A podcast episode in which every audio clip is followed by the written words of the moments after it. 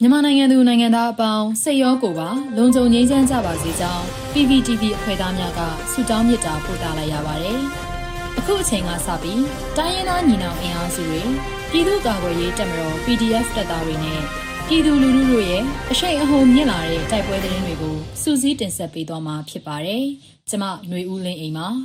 ပထမဆုံးအနေနဲ့ချောင်းဦးမှာမိုင်းဆွဲတိုက်ခိုက်မှုကြောင့်ပြူစောတိ6ဦးသေဆုံးပြီး စစ်ယူနီဖောင်းနဲ့ကြည်များတင်ဆက်ရမိတဲ့တဲ့ရင်ကိုတင်ဆက်ပေးပါမယ်။စကိုင်းတိုင်း6ဦးမြို့နယ်မှာ6ဦးမြို့နယ်ပကဖာရဲ့ဦးဆောင်မှုနဲ့ CHU PDF ကစစ်ကောင်စီတပ်နဲ့ပြူစောတိတွေကိုဇွန်လ14ရက်နေ့ကတိုက်ခိုက်ခဲ့ရာ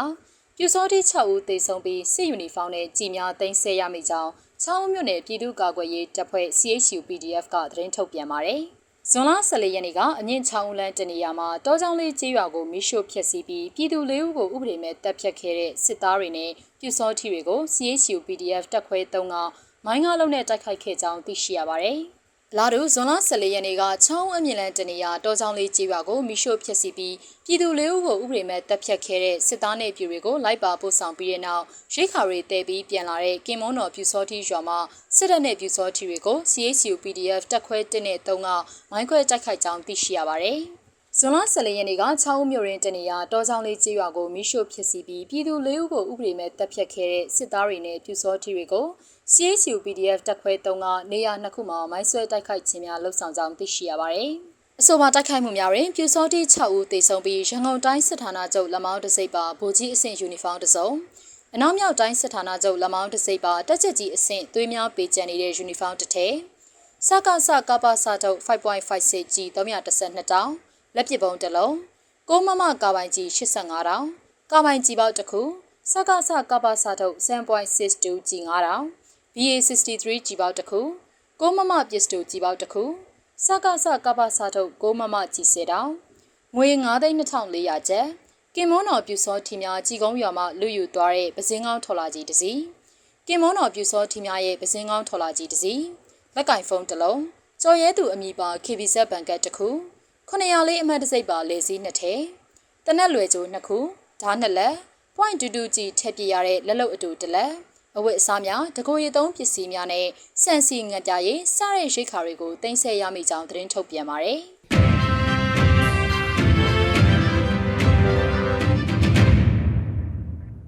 ဆက်လက်ပြီးဒဇယ်အင်ကုတ်ကားရွာမှာရှိတဲ့ပြူစောတိခေါင်းဆောင်နေအိမ်မှာစုစည်းနေစဉ် PDF ဖူပေါင်းတက်ကပြစ်ခတ်မှုကြောင့်18ဦးထပ်မံတေဆုံးနိုင်တဲ့တဲ့ရင်ကိုတင်ဆက်ပေးပါမယ်။ စကိုင်းတိုင်းဒဇယ်မြို့နယ်အင်ကုတ်ကားရွာရှိပြူစောတိခေါင်းဆောင်နေအိမ်မှာစစ်ကောင်စီတပ်နဲ့ပြူစောတိများစုစည်းနေစဉ်ဇွန်လ14ရက်နေ့ည8နာရီခန့်အချိန်ဒဇယ် PDF ဖူပေါင်းအဖွဲ့ကဝင်ရောက်ပစ်ခတ်တိုက်ခိုက်ရာ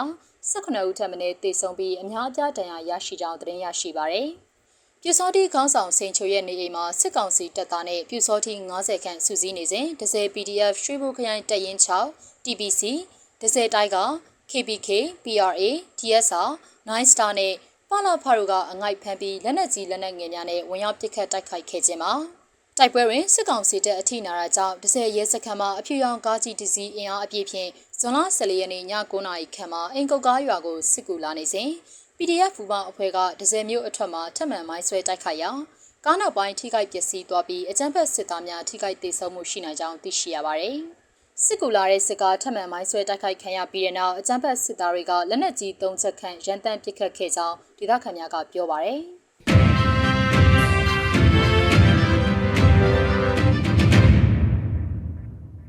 တပိတ်ချင်းမြို့နယ်စင်ညက်ကုန်းရွာအနီးစစ်ရင်တန်းမိုင်းဆွဲတိုက်ခိုက်ခံရပြီးစစ်ကားတစ်စီးမီးလောင်ပျက်စီးကစစ်သား3ဦးခန့်သေဆုံးတဲ့တဲ့ရင်ကိုဆက်လက်တင်ဆက်ပေးပါမယ်။ မန္တလေးတိုင်းတပိတ်ချင်းမြို့နယ်စင်ညက်ကုန်းကျေးရွာအနီးမှာစစ်ကောင်စီရှင်တန်းကိုရမန်နေ့ဇွန်လ15ရက်ညနေ3:48မိနစ်ခန့်မှာတကောင်းပြည်သူ့ကာကွယ်ရေးတပ်ဖွဲ့ကမိုင်းခွဲတိုက်ခိုက်ခဲ့ပြီးစစ်ကားတစ်စီးမီးလောင်ပျက်စီးသလိုကားပေါ်ပါစစ်သား3ဦးခန့်သေဆုံးက2ဦးတန်ရာရရှိကြောင်းသတင်းရရှိပါရယ်။အဆိုပါစစ်ရင်နှဟာကချင်ပြည်နယ်မှာတဆင်ထီဆိုင်မြို့ကိုဖျက်ဆီးလာတဲ့ရှင်နှန်းဖြစ်ကြောင်းစစ်ကား65စီးပါကြောင်းအစည်းအဝေး20မြောက်စစ်ကားကိုမိုင်းသုံးလုံးနဲ့ဖောက်ခွဲတိုက်ခိုက်ခဲ့ကြောင်းတကောင်း PDF ထံမှသိရှိရပါတယ်။ အဆိုပါစညကုန်းရွာနီလမ်းမိုင်းတလျှောက်ပြည်သူများအနေနဲ့ခရီးသွားလာခြင်းမပြုလုပ်ကြဖို့နဲ့စစ်ကောင်စီရင်နှန်းများအနီးမှသွားလာခြင်းမပြုလုပ်ဖို့တကောင်းပြည်သူ့ကာကွယ်ရေးတပ်ဖွဲ့ကအသိပေးကြေညာထားပါတယ်။